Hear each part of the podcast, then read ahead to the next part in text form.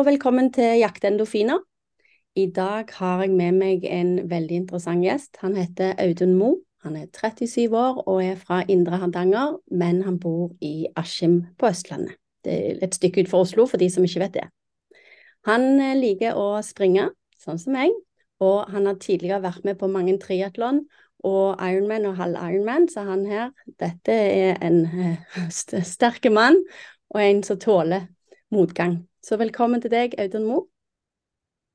Tusen takk for det. Jeg eh, så deg på Instagram. Jeg så eh, at eh, du er en aktiv fyr eh, som har en interessant bakgrunn. Og jeg ville snakke med deg og sendte deg en melding. Vi tok en liten prat på telefonen, og du sa ja til å være med. Du liker òg å inspirere folk til å springe, gjør du ikke det? Absolutt. Det er vel eh, kanskje noe av det som er det fineste med, med løping, syns jeg. da. Det er så, det er så enkelt at, eh, at alle kan faktisk gjøre det på sin måte. Så lenge man eh, klarer å ta, ta, blikket litt vekk fra alle andre og, og se på seg sjøl, så, så, kan faktisk nesten absolutt alle løpe og, og bevege seg fremover.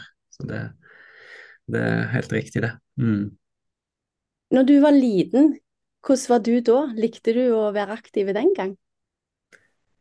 Nei, det tror jeg faktisk eh, jeg tror jeg ikke. Jeg var en liksom litt sånn bedagelig type. Eh, så hadde jeg en kompis som var ett år eldre enn meg, som eh, kom inn på idrettslinje på Voss. Og så sa han at det var, det var skikkelig kult, liksom, på videregående. Og så søkte jeg på det, og kom inn da på det som hadde, hadde en sånn snowboard som fordypningsfag, av alle ting. Og det var egentlig der første gang jeg, liksom, jeg tror jeg begynte liksom, å, å, trene på noe som helst vis. Det var, det var på, på, videregående. Mm -hmm. Så du hadde ikke vært med på noe lagspill sammen med andre i klassen din du var liten? Du ble ikke revet med på noe?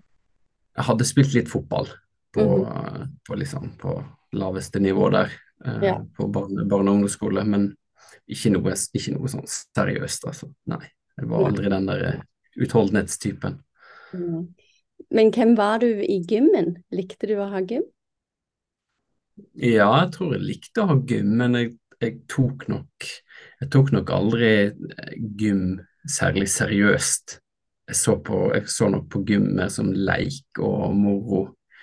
Uh, få ut litt, få ut litt uh, energi. Mm. Ja. Ja, nei, er, det, det kan, alle, alle, kan ikke være den som rekker på og skriker 'kan vi ha kanonball'? Nei, nei, jeg tror jeg var mest sånn eh, Jeg er med på det som skjer, jeg. Eh, litt mm. sånn, ja. ja. Og når du var ferdig eh, på Voss, fortsatte du å stå på snowboard og eventuelt drive med noe idrett da? Det var jo et år først i, i førstegangstjeneste. Uh, med, jeg hadde en førstegangstjeneste med, der jeg var litt i, på, på Jegerbataljonen i Finnmark.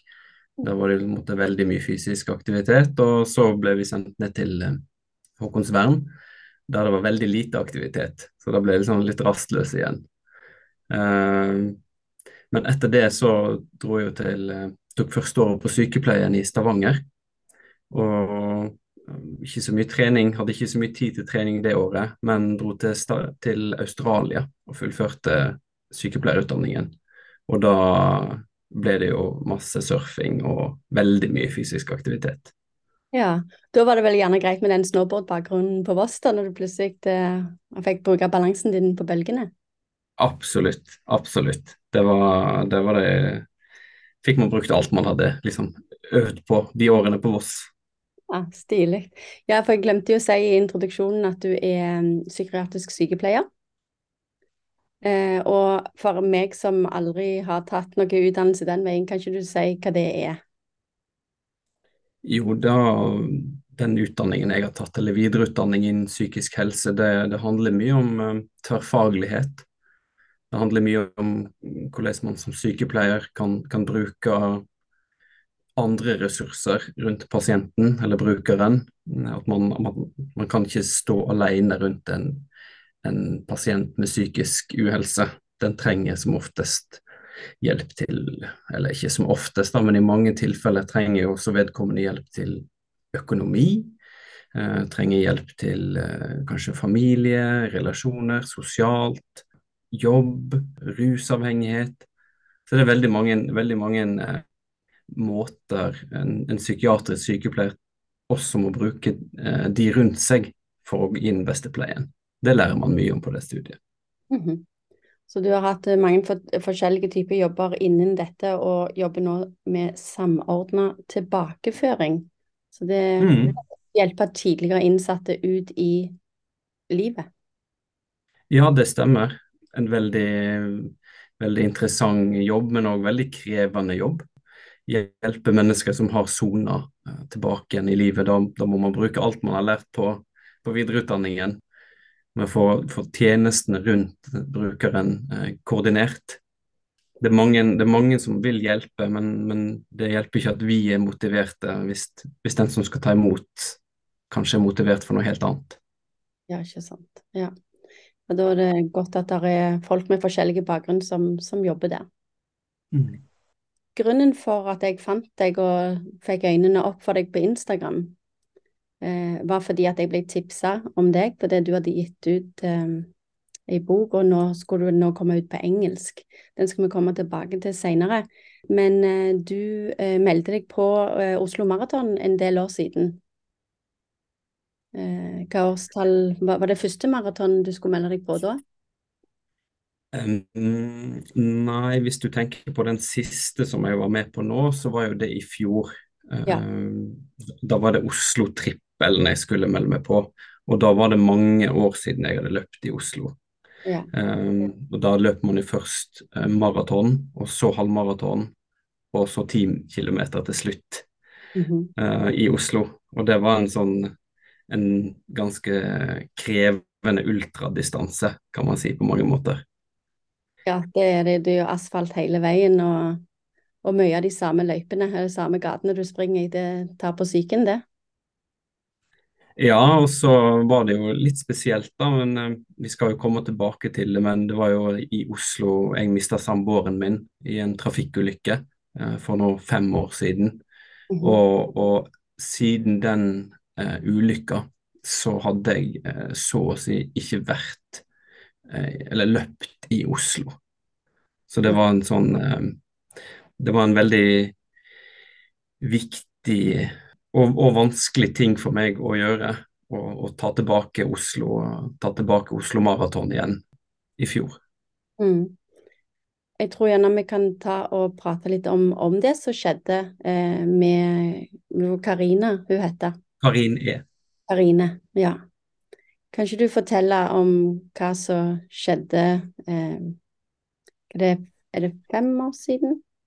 Ja, det blir fem år nå, nå i september. Ja.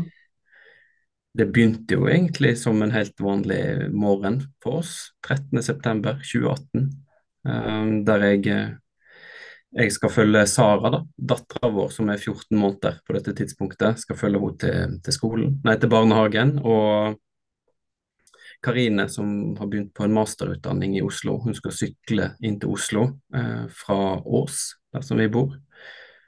Og vi sier jo ha det, som man alltid gjør på morgenen. og så vi tenker ikke noe mer over det.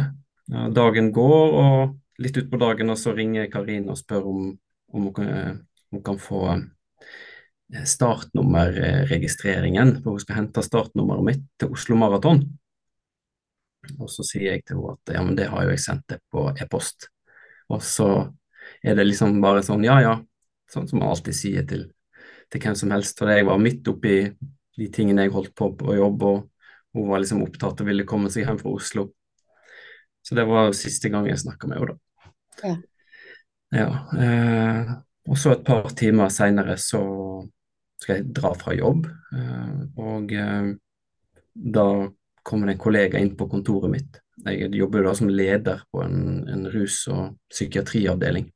Så kommer det en, en kollega inn på kontoret og sier at eh, det er noen her som vil snakke med deg. Og da går jeg ut, og så står det plutselig en prest der, og politi. Og det er jo ikke uvanlig at prest og politi står på døra på en, på en eh, rus- og psykiatriavdeling, og vi har også en avgiftningsavdeling rett ved siden av. Eh, så det, det er ikke noe jeg reagerer på, men jeg ser at de er veldig alvorlige. Disse, både presten og de politifolkene, eh, de politibetjentene, de gir ikke blikkontakt, liksom de ser litt ned, de er sånn, de er veldig prega.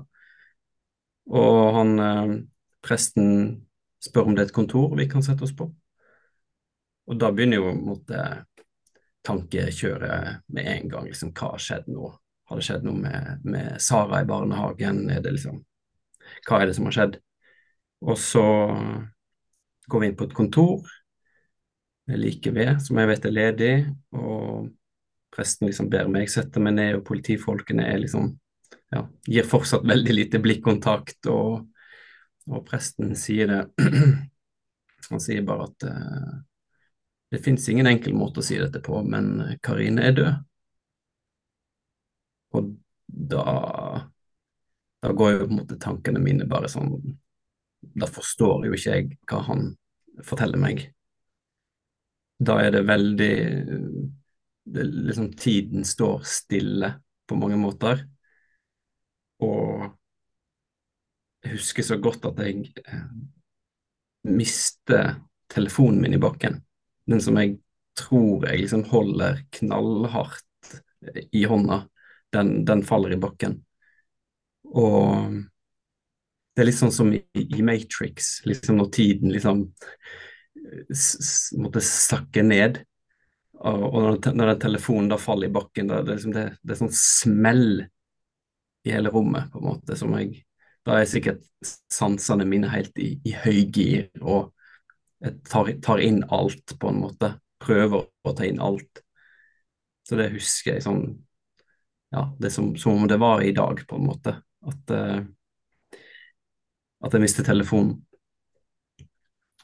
Og det neste jeg tenker på, det er jeg må jo hente Sara i barnehagen. Det er liksom tanke nummer to. Fordi at jeg forstår jo fortsatt ikke hva som har skjedd. Jeg klarer jo ikke begripe det som har skjedd. Og så sitter vi egentlig der inne ganske kort tid. Jeg prøver liksom å Jeg spør presten noen spørsmål, men han, han vet jo like lite som meg. Uh, og så blir vi enige da, med, med politiet om at at uh, presten kan kjøre med meg hjem, så jeg får hente Sara i barnehagen. Og så blir han hos meg da til, til noen kan komme liksom, og være sammen med meg.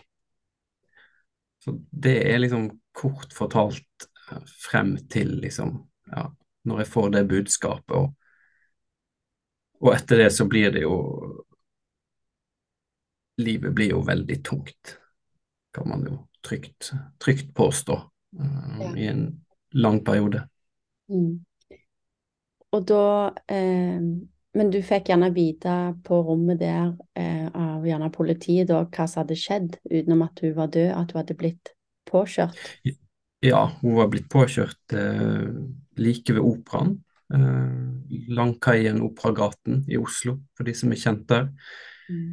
Uh, der var det kommet en eh, lastebil uh, som ikke hadde sett at hun kom syklende på ene siden. Og han hadde ikke vært nok oppmerksom og brukt liksom, sidespeil og blindsonespeil og alt aktivt nok. Og når han svinga til høyre og hun kjørte rett fram, så, så var det liksom uunngåelig på mange måter, dessverre. Mm. Um jeg kan jo bare prøve å lage et bilde i hodet om hvordan det er, og umulig å kjenne i hjertet hvordan det var. Eh, men eh, du fikk folk rundt deg til å eh, si, klare å fungere. Ting, noen ting gikk gjerne på automatikk med å skifte bleie, gjerne, og sånne ting. Det der med å Du må jo ta vare på dattera di. ja. Du sant? Du tenkte på, tenkte på henne at det, eh, dette er jo en del av hverdagen å hente henne. Og, men eh, tida etterpå, eh, når du gjerne har klarte å se litt tydelig igjen. eh, det må ja, Du ble sykemeldt fra jobben. Mm. Eh, og du fikk gjerne hjelp til å levere i barnehage, går jeg nesten ut ifra. Sånn at du Ja, det var jo en, eh, det var jo en lang periode der jeg hadde folk, eh, nær familie, eh, boende hjemme hos meg. Ja. Fordi at samme hvor mye jeg trodde at jeg fikk til, og, og kanskje òg hadde lyst til å få til, så var det liksom, den sorgen var altoppslukende. Den påvirka liksom alle deler av mitt liv med, med sosial angst og med, med, rutiner, med søvn, matlyst, humør. Eh, og i tillegg til alt det praktiske som, som må bare fikses eh, når man kommer i en sånn situasjon. Mm. Med Nav og bank og forsikring og Det var jo en lang periode jeg ikke visste om, om vi kunne beholde huset, om vi hadde råd til det. Uh, og mm. hvordan Sara sin, Sara som da er dattera vår, hvordan hennes fremtid skulle bli. Uh, og, og, når jeg var i en sånn sorgsituasjon, en sånn så dyp krise, så er det òg veldig mye vanskeligere å se lyst på ting og se at ting kan uh, bli bedre, eller at det finnes gode løsninger. Så, så mange, det var veldig mange destruktive tanker i de, ja, den første tiden. Mm. Fikk du kommet deg til psykolog og få hjelp eh, utenfra? Ja, eh, i første omgang så fikk jeg eh, psykisk helsearbeider fra som kriseteam i kommunen. Ja. Jeg var også veldig heldig med at jeg hadde en god uh, vikarfastlege. En ung mann som, som, tok meg veldig på alvor uh, med alt jeg trodde jeg hadde av fysiske problemer. Det, ja, men Da sjekker vi ut det. Og han, han lytta, og han var veldig forståelsesfull. Uh, og så ble vi jo enige om at jeg skulle til psykolog, men det skjedde jo ikke før det hadde gått et halvt år etter ulykka.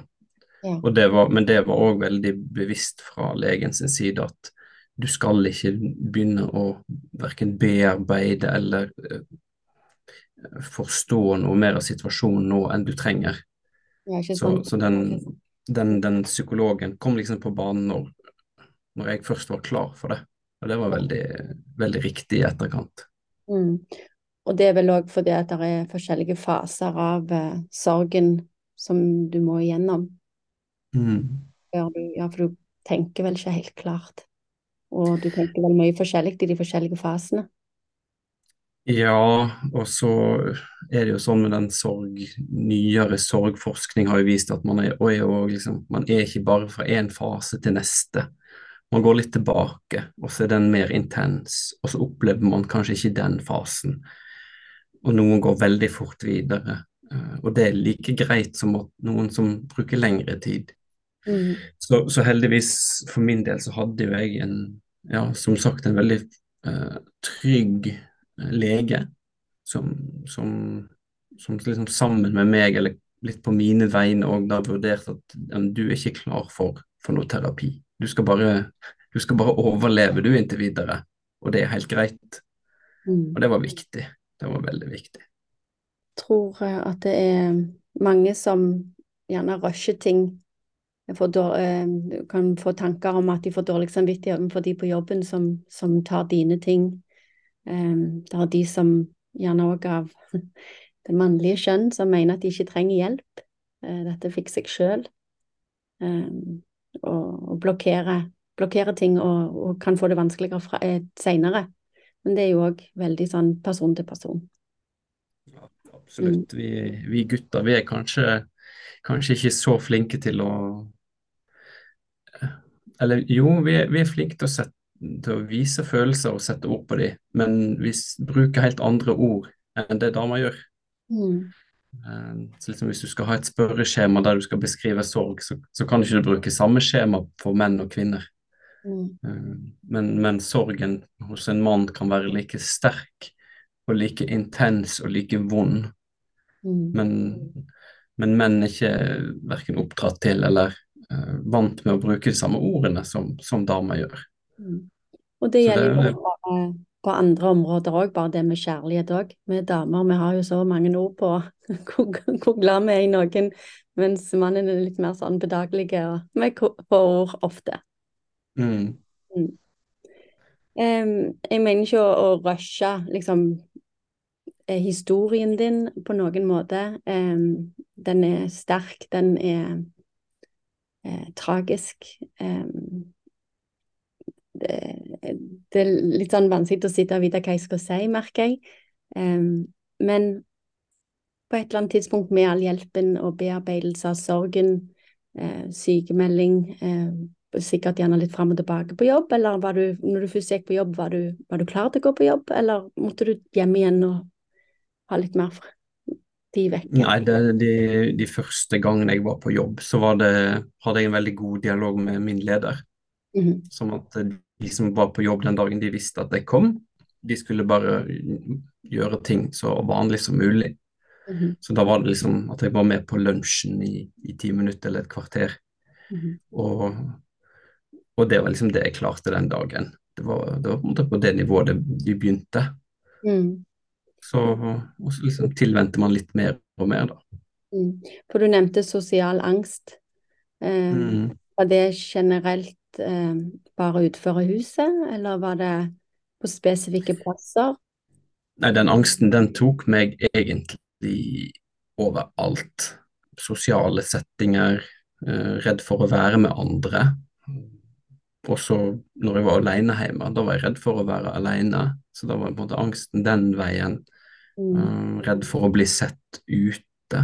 Eh, hadde masse tanker rundt at folk, hvis folk så meg ute, at da var jeg kanskje ikke lei meg lenger. ja, Eh, ikke sant. og, eller hvis jeg gikk på butikken, så var jeg redd for at folk skulle se at jeg var eh, syk, eller psykisk syk. Eh, at folk liksom vek unna meg.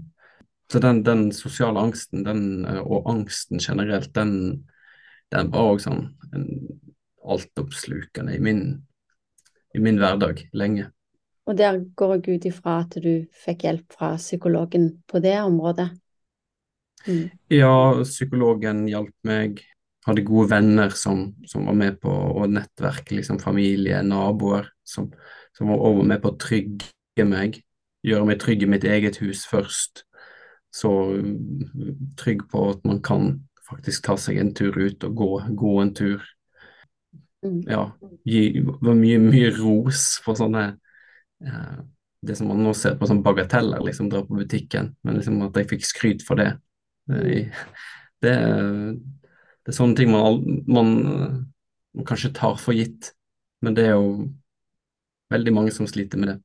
Ja, ikke sant. Men når du først, eh, i og med at dette her er en podkast som heter Jakt endorfiner, så vet jeg jo at du gjør det, at du er glad i treninga. Når du begynte å bevege deg utenfor huset igjen, og eventuelt gå tur eller bare lufte deg for frisk luft, kjente du noe på den følelsen av at her, dette funker for meg? Å gå ut, at det er sunt for meg å gå ut og få frisk luft? Ja, det var jo først en enorm motstand i meg for å på en måte gjøre alle disse tingene, begynne å bevege meg igjen, for jeg hadde jo trent før også. Eh, men, men den, den gleden og den mestringsfølelsen og det rushet eh, som jeg opplevde de første gangene jeg var ute og løp den høsten, det er jo sånn som er vanskelig å måtte beskrive hvor, hvor sterkt det var med jeg var ja, kanskje nesten i samme tilstand som liksom når, på ulykke, ulykkestidspunktet, eh, der man liksom bare tar inn alt av lukter og temperatur og følelsen i kroppen, og det er noe som liksom jeg er, jeg er takknemlig for det den dag i dag, da. At jeg klarte å ta de der første bitte små eh, sjanglende stegene bortover eh, stien. Eh, Mm. Og der var det gått det var gått to måneder, da. Åtte uker med forfall før, før jeg liksom ja, men nå, Dette må jeg bare klare. Mm. Det, er- ja. Tok du de den første turen alene, eller var du med noen? Helt alene. Mm. Ja. Jeg, og jeg vil liksom forsikre meg om at det ikke var noen i verken før meg eller foran eller bak meg på stien. Så Ja. eh, tok jeg liksom de første kanskje, Det var kanskje 20 meter eller 30 meter jeg løp den dagen, men det var sånn Det er sånn sitter i Sitter veldig sterkt i kroppen, liksom, og jeg husker liksom den følelsen, den var helt, helt enorm, altså. Mm. Så da tenkte du at når du kom hjem, så kjente du at dette her må jeg gjøre igjen? Det var ikke så skummelt, eller jeg må pushe de grensene? Ja, både og. Jeg var nok ganske sånn der skremt, for det var så intenst. Eh, Men, men eh, samtidig så, så jeg skjønte liksom at eh, hvis jeg skal ha noe framgang, liksom, så må, så må jeg ut. Liksom. Det, det er ute håpet fins. Det er ikke, det er ikke inni det der eh, huset med alle minnene og alle, alt som liksom minner meg om situasjonen, da måtte jeg liksom ut. Jeg måtte ut, på, ut i skogen eller ut i, ja, i bassenget, det ble jo det etter hvert, og ut i, men liksom bare ut, ut utenfor døra. Veldig eh, viktig. Det å komme seg ut var noe du kjente på kroppen at det var bra, men sikkert var litt sånn shaky, eh, litt sånn skummelt òg. Eh, tok det lang tid før du gikk ut igjen og alene og, og, og sprang? Nei, det gjorde det ikke. Um, på dette tidspunktet så var jo jeg sykemeldt 100 så, utover det å, å levere eh, Sara i barnehagen og, og ordne med praktiske ting eh, rundt situasjonen, så, så hadde jo jeg tid. Det var på en måte ikke tid som var, var problemet mitt. Eh, så jeg, eh, men jeg måtte jo ha en, en fysisk uh, ukeplan og dagsplan foran meg uh, på kjøleskapet, der liksom jeg bevisstgjorde meg sjøl på at um, du skal ut. Du skal ta, ta den tiden til deg sjøl. Og om Det var jo ikke noen lange løpeturer, det var jo ikke noe intenst sånn verken pust eller eh, lengde i kilometer, så, så var det måte noe jeg måtte sette av tid til. da. For, hvis, for jeg visste jo og kjente jo fort at dette her, dette gir meg noe. Det gir meg, om ikke det gir meg fysisk bedring, så gir det meg i hvert fall en, en pause fra, fra sorgen. Jeg kommer meg ut av huset. Jeg, jeg, får, jeg slipper å tenke på hvordan jeg faktisk har det. Jeg må, jeg må fokusere på hvor jeg setter beina. Så, men, men det var nok, liksom. Det, jeg ikke, jeg treng, trengte ikke sette så mye høyere krav til meg sjøl enn det. Det er fascinerende hvordan vi kan sitte ned og gruble til vi blir koko i hodet.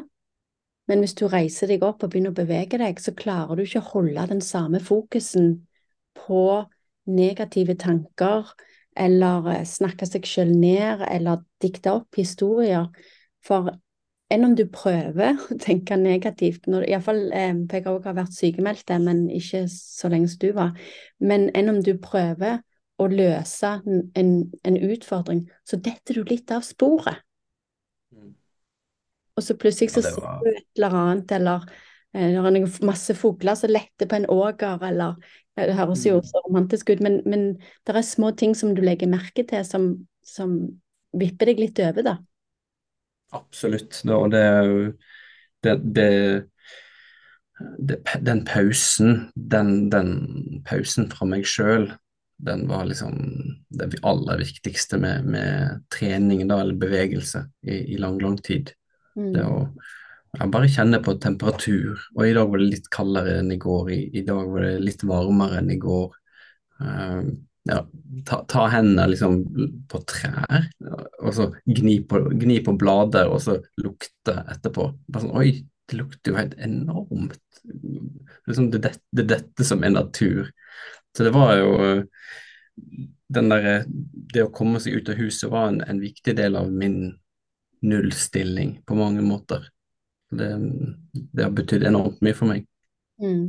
Ja, og så, starte en, en ny eh, Eller har du si, et nytt kapittel i ditt liv, men uten Karine, da. Og du sa jo at du bodde på Ås da, så da flytta du til Askim eh, seinere. forstår jeg da. Ja, eh, ett år etter, eh, etter ulykka så møter jeg jo eh, Maria, som Mhm. er liksom samboeren min og eller ble, ble kone. Ja. Eh, ja, akkurat gifte oss. Det er jo kjærlighetshistorie fra ende til annen, det. Ja, akkurat nå har du vært Eh. gift i tre dager. Ja, ja, ja, faktisk. Ja. Så eh, fortsatt eh, hvetebrødsdager, ikke det? Ja, så hyggelig. Ja. Så du traff Maria da ca. et år etterpå? Ja. Mm, Eh, vi, har, vi hadde jo hatt eh, Det er jo litt morsomt. Vi hadde jo hatt felles venner, eh, felles nettverk, felles hobbyer i 15 år. Og aldri møttes før. Oi, wow! Så det er jo det, det er liksom, Jeg tror det bare er sånn eh, Det var meant to be. Vi, vi skulle ikke møtes før det. Og Ja. jeg, var, jeg var jo ikke klar for det før den, før den dagen jeg møtte henne. Og, og sånn var måte, hun hadde med seg sin eh, bagasje, som man alle har, liksom. Og så, så stemte det bare. Mm. Så flott.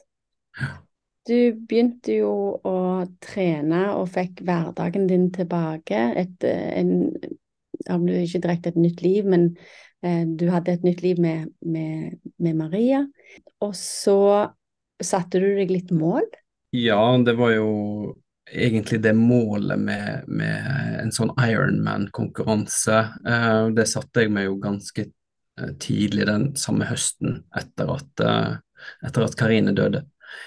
Eh, og det var jo å fullføre en sånn Ironman-triatlon ett år seinere. Så det var jo da august 2019. Ja, og da kan jo du si høyt hvor langt det er å summe og sykle og springe en Ironman, for så langt har ikke jeg dratt det. Nei, det er jo da eh, 3,8 km svømming. Mm. Og så skal man sykle 18 mil etter det, og så avslutte med maraton til slutt. Mm. Hadde du sykla lange ritt eller sprunget maraton før du meldte deg på Ironman? Ja, det hadde jeg. Jeg hadde jo gjort eh, triatlon eh, og, og Ironman-distanser tidligere, men, men den, eh, den pausen jeg hadde i trening og måtte, den livssituasjonen jeg havna i, Mm. gjorde jo at måtte, det ble litt sånn sekundært. Mhm. Det, det, var jo, det tok jo liksom ikke sånn Det tok ganske lang tid før jeg liksom begynte liksom å skjønne at dette er et mål som jeg faktisk kan nå.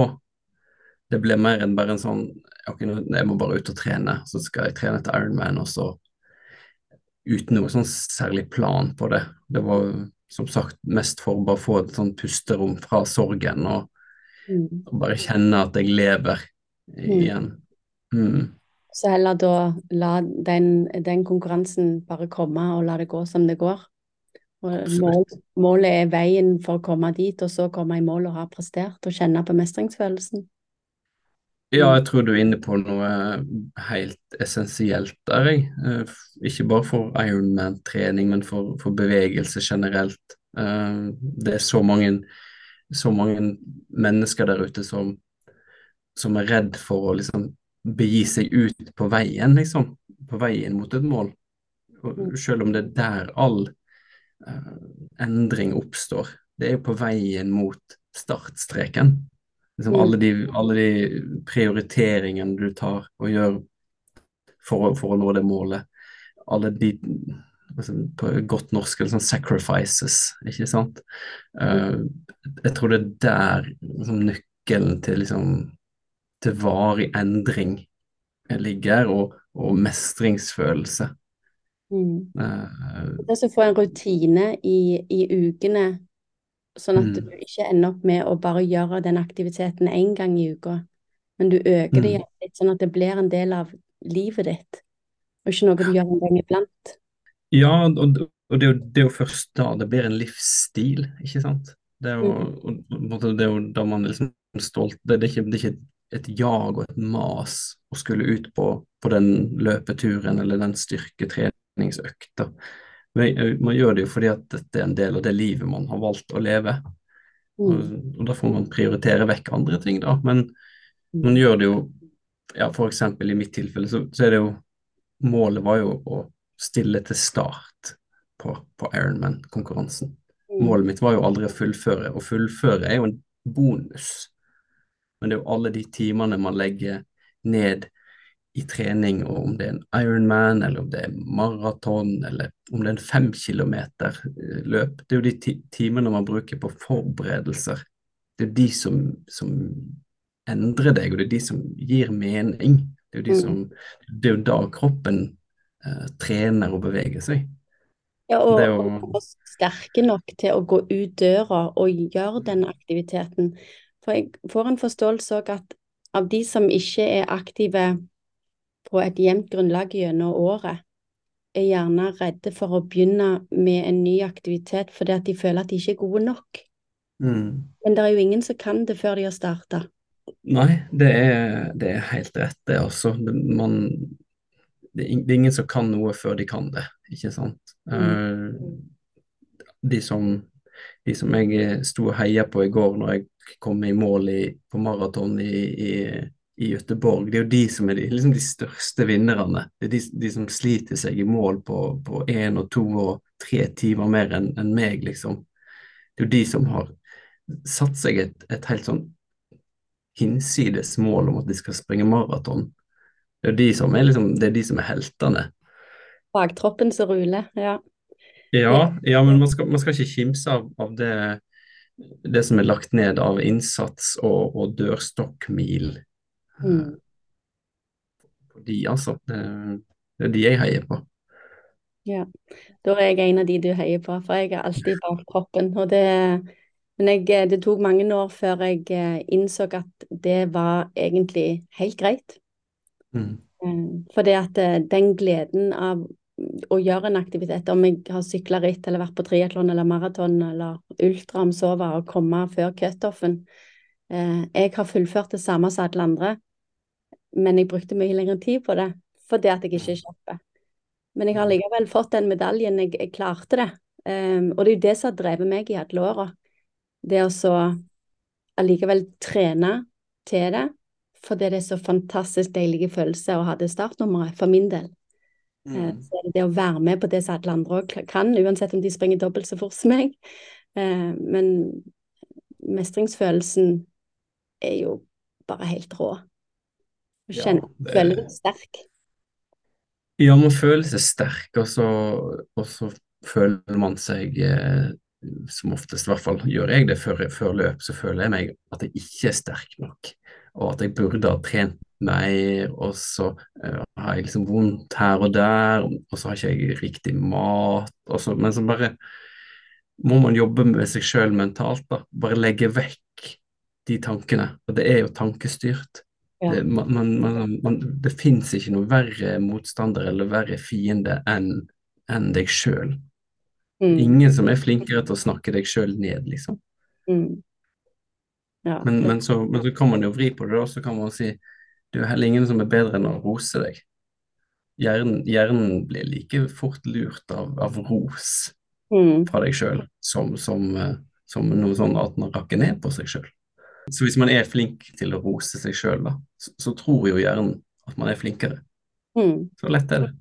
Ja, og det er gjerne derfor vi har disse mantraene òg, da. Når du løper løp, at du skal si 'jeg skal ikke gi meg'. Dette klarer jeg. Mm. Jeg er flink. Mm. Og jeg er sterk. Dette går bra.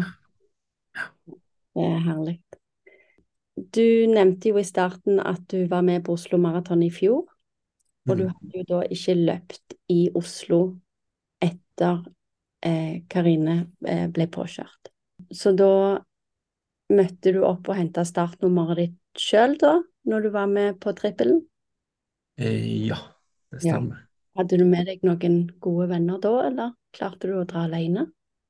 Nei, det gjorde jeg, det gjorde jeg på egen hånd. Da hadde ja. vi på en måte snakka så mye om det, og liksom Ja, da var jeg veldig klar mm -hmm. for å bare liksom ja, bare Nå må det skje. Uh, så, så, var det liksom riktig med hva skal vi si, distansen, og jeg hadde jo, da hadde jo løpt et par ultraløp før og visste litt hvordan det skulle gjøres. Og, uh, så liksom det når jeg, når jeg, først kom i gang den dagen, så var det liksom sånn Det var det var mange kilo av skuldrene å bare liksom klare å stille på startstreken den dagen. Uh, og så Og så er det liksom It takes a village, da. Men det, var jo, det er jo et ultramiljø i Norge som der jeg har fått mange gode kolleger og mange gode eh, løpepartnere som, eh, som har heia meg fram. Folk fra, fra tidligere fra triatlonmiljøet som har sagt at dette her, eh, dette her skal du gjøre. Blitt inspirert av mange på Instagram som, som deler liksom store oppturer og nedturer og liksom livet. Mm. Det, er jo alle, det er jo alle disse her delene som gjør at man som klarer å stille til start. Ja. Altså den, den, fysiske biten av det. Ja, det er tungt å løpe et ultraløp eller maraton eller hva det skal være, men, men den mentale biten må òg være på plass. Mm. Den, og den, den kommer ikke av seg sjøl, den heller. Og når du da starta med den maratonen som første del av den trippelen, Um, Syns du den gikk greit? Måtte du godsnakke med deg sjøl mye, eller var det liksom OK, dette er én av tre løp i dag, dette knuser jeg, eller uh, møtte du noen mm. Nei, jeg, jeg, tror nok at jeg tok, det, jeg tok det faktisk litt for, for, mye med ro på maraton, så jeg hadde litt dårlig tid til, til uh, halvmaraton skulle starte. Så det var liksom sånn Jeg kom rett inn til mål, og så var det det var ikke mange minuttene før jeg måtte ut på, på halvmaraton. Mm -hmm. Så da, og da var jeg nok eh, Det var nok ganske Jeg var nok ganske sliten da. Mm -hmm. eh, allerede liksom ut på Ganske tidlig ut i halvmaraton. Og så kom jeg meg i mål som omtrent som sistemann på halvmaraton, følte i hvert fall jeg. Eh, og var da, da var det sikkert to-tre minutter pause mellom det og ti kilometeren. Så jeg liksom jeg tok igjen liksom de bakerste ti kilometerløperne. De var liksom de var de første jeg tok igjen da på ti kilometer. Ja. ja, for det er sånn når du tar trikken ja. på Oslo Maraton, så har dere på en måte et VIP-telt som dere ja. kan slappe av litt imellom ut ifra hva tid dere kommer i mål. Um, og hva var cutoffen uh, på fullmaraton for at du skulle få lov å være med videre til halvmaraton? Nei, da må du være i mål eh, til, eh, før siste gruppe på halvmaraton er, er, er, løpt ut. Ja, mm -hmm. Da stenger de på en måte halvmaraton. Eh, mm -hmm. De det, samme gjelder, det, samme gjelder på, det samme gjelder på 10 km. Ja, så de losjer dere gjennom en egen liten stripe der på, på, med målgangen, da, sånn at du får gå rett ut eh, til ja. den olja du havner i. Mm -hmm. Ok. Ja. Jeg har jo aldri fått sikt gjennom hele, for enten så har jeg deltatt selv, eller så har jeg ikke hatt tid til å være der eh, i det hele tatt. Så spennende. Og da, når du var på ti km da, og begynte å nærme deg og mm. eh, kom mot Aker Brygge og sånn, begynte du å kjenne på mye følelser når du begynte å nærme deg mål? Ja, det er klart at det er sterkt. Det er klart at uh, det var en det var jo en spesiell dag, det var en spesiell eh, anledning på mange måter. Jeg skulle liksom ta tilbake Oslo, følte jeg.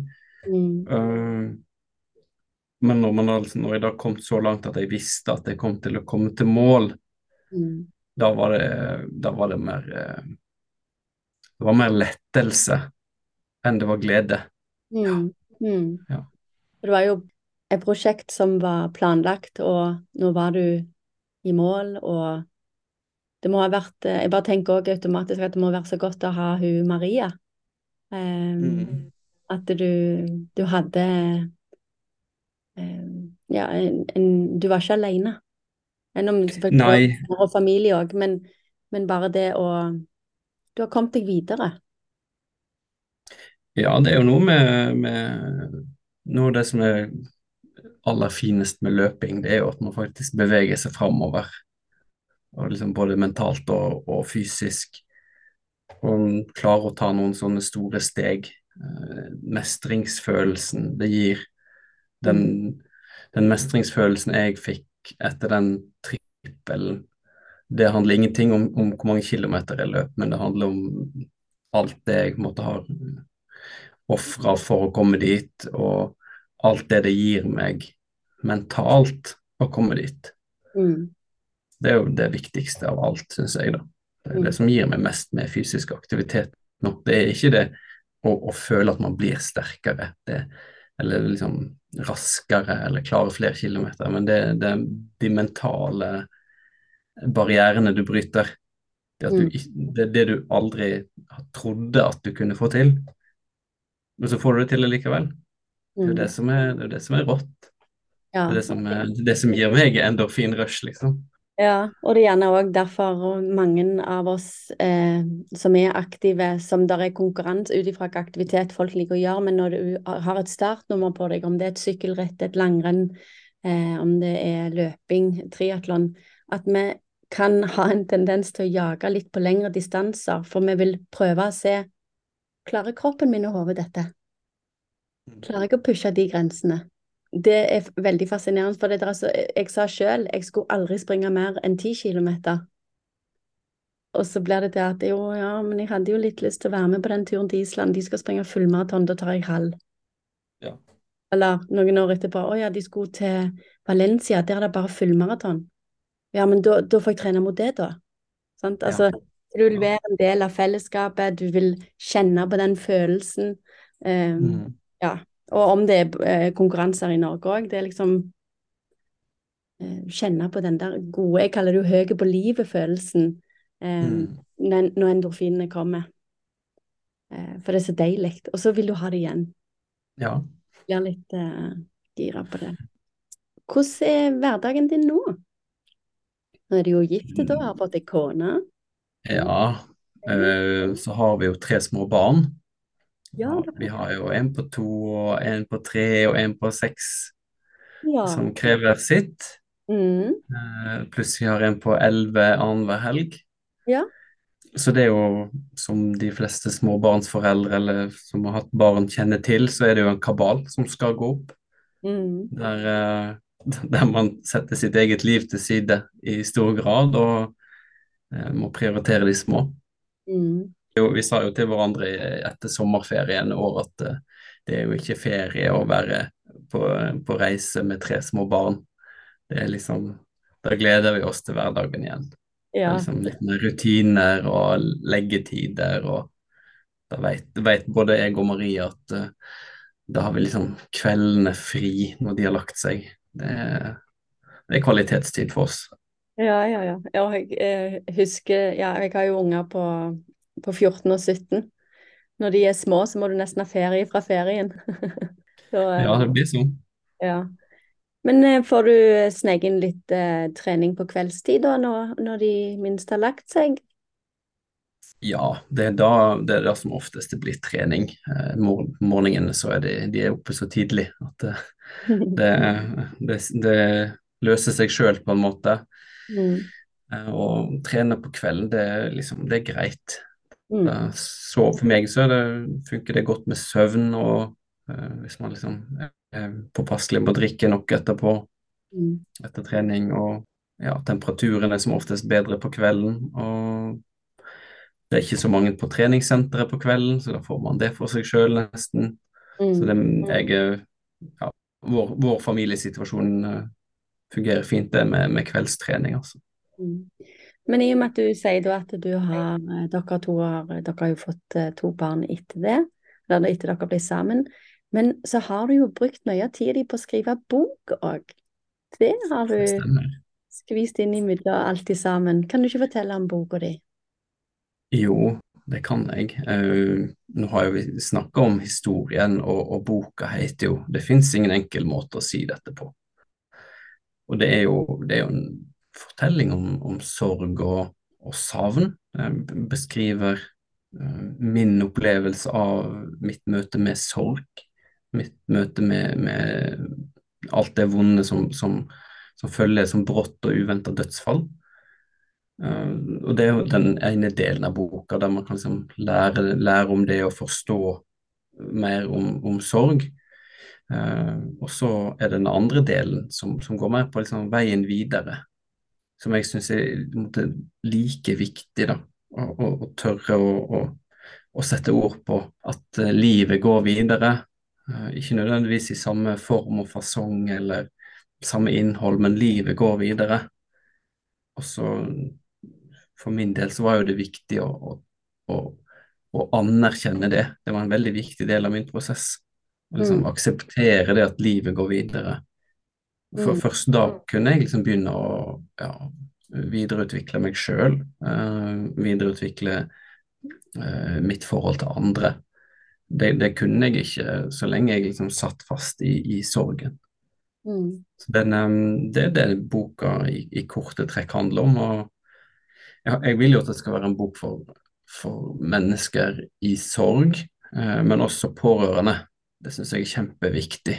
Eh, fordi pårørende er så eh, ekstremt eh, Eller ikke ekstremt, en veldig, veldig sentral brikke i en, en bedringsprosess. Liksom, pårørende kan jo være det kan være skolekamerater, det. det man, trenger oppleve, man trenger ikke oppleve så dramatiske ting som jeg opplevde for at det skal være eh, sorg. Det kan være at du ikke kom inn på den skolen du ville, eller at du måtte flytte fra alle kompisene dine. At du mister jobben. eh, At du, går gjennom et, eh, et samlivsbrudd. Ikke sant? Det, det er så mange situasjoner der man kan oppleve sorg og den som er pårørende da, som står i dette her, ikke, ikke forstår at det er jo sorg. Eh, For det er så mange det er så mange reaksjoner på sorg som kan oppleves unormale, men som er eh, helt, helt normalt. Mm. Det er viktig for meg i den boka. Ja. Så fint. Jeg vet iallfall at jeg, eh, jeg vil lese den. For det, det som jeg tenker også som gjerne kan hjelpe, er jo, er jo det der å, å kunne forstå det fra en annen vinkel, og bare det å lese om det for å kunne forstå andre når de er i det. Eller hvis det skulle skje med meg, eh, en eller annen type sorg, eh, tenke og prøve å tenke hvordan andre reagerer på min sorg. For vi har jo så tendens til å være i vår egen boble, om vi så skulle være den pårørende som skal prøve å hjelpe, eller føle oss fram på hva type trøst vil du ha, hva oppmerksomhet vil du ha, vil du ha mye, vil du ha lite? Um, er jeg masete nå? Skal jeg ta avstand? Eh, skal jeg gi mer? Eh, det er så Mm. mye å tenke på, da tenker jeg at den boka kan, kan være til hjelp. Ja, det med, det, med, det med avstand og nærhet, det, det du nevner, er kjempeviktig. Det, for det er så lett å, å trekke seg unna. Mm. Men hvis det, hvis, det, hvis det er en gang i livet jeg trenger at du ikke gjør det, da, da er det når, når jeg har det vondt, liksom. Mm. Det da, det, da, det er da du skal si at vi skal ut og trene. Vi skal gå en tur sammen. Jeg kommer bort. Eh, du blir med.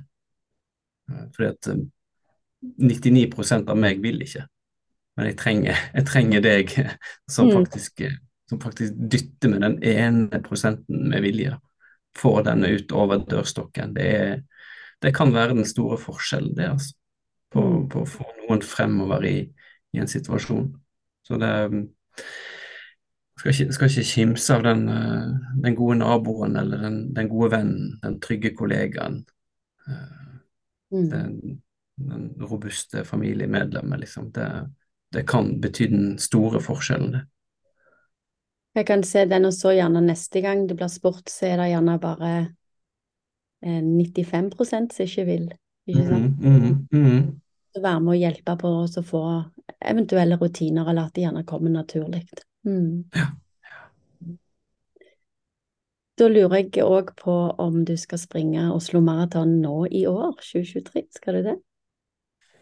Du, jeg har veldig lyst. Merkelig nok, dagen etter maraton så har man lyst til å løpe et nytt maraton. Eh, men jeg har ikke meldt meg på ennå. Men, eh, men det kan jo hende at det dukker opp, og, og om jeg ikke løper, så er det jo veldig kjekt å være i byen den dagen og heie på de som løper. Løfte fram de som liksom kanskje ser sliter litt, gi de et heiarop og lese navnet, liksom rope navnet høyt og bare 'kom igjen' nå. Det, det syns jeg det er kult. Så ser man at liksom de, de løfter blikket litt og opp med, opp med fram med brystkassa litt. og Mm. så kanskje man, kanskje man kan hjelpe noen i hvert fall et par meter fram, da. Ja, så det er bare å komme og heie, selv om man ikke skal springe sjøl. Da kan man, kan man hjelpe noen på veien mot, mot sitt mål. Mm, og så syns jeg nordmenn kan bli flinkere å heie på folk de ikke kjenner. Ikke bare stå der og vente på den ene personen av de 8000 de kjenner som er der.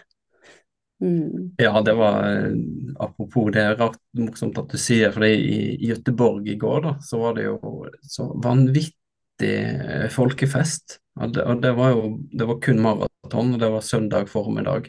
Men alle som sto langs veien, heia på alle. Og det var, det var en sånn ny opplevelse for meg. Så det er liksom Oslo har mye å lære der. Det var, det var ordentlig folkefest fra, fra, start til mål, liksom. Så det var Det ga meg liksom masse inspirasjon, masse motivasjon, og fikk lyst til liksom, ja, komme meg til mål. Mm. Ja. Komme deg til mål raskere og ikke, ikke gå så mye. Ja. Mm, mm. Jeg vil gjerne takke for at du ville være gjest hos meg. Eh, tusen takk for at du er åpen. Jeg eh, elsker åpenhet uansett hva det er. Jeg tror det er viktig. Så tusen, tusen takk for at du deler historien din. Takk for at jeg fikk komme. Mm. Og så må jeg òg bare legge til at eh, ja, boka eh, kommer jo òg på engelsk. Så for dere som forstår norsk og snakker norsk, men foretrekker å lese på engelsk, dere kan jo òg kjøpe den i framtida når den kommer på engelsk. Vet du sånn cirka hva tid det blir? Nei, det er ikke helt planlagt ennå, så inntil videre så er det, er det kun på norsk. Det er så, såpass nytt det at den skal komme på engelsk, ja. Du får ha masse lykke til eh, videre med løping, ekteskapet, småbarn og, og, hverdagen du har. Og så håper jeg jo at du blir en eh, trofast lytter av Jakt endorfiner. Takk til dere som har hørt på Jaktendorfiner i dag. Husk at du kan abonnere eller følge min podkast på den appen der du hører dine podkaster. Legg gjerne igjen en melding jeg har på Spotify, spørsmål om hva du syns om episoden. Så kan du òg legge igjen kommentarer på min Instagram, da jakteendorfiner. Så høres vi neste uke.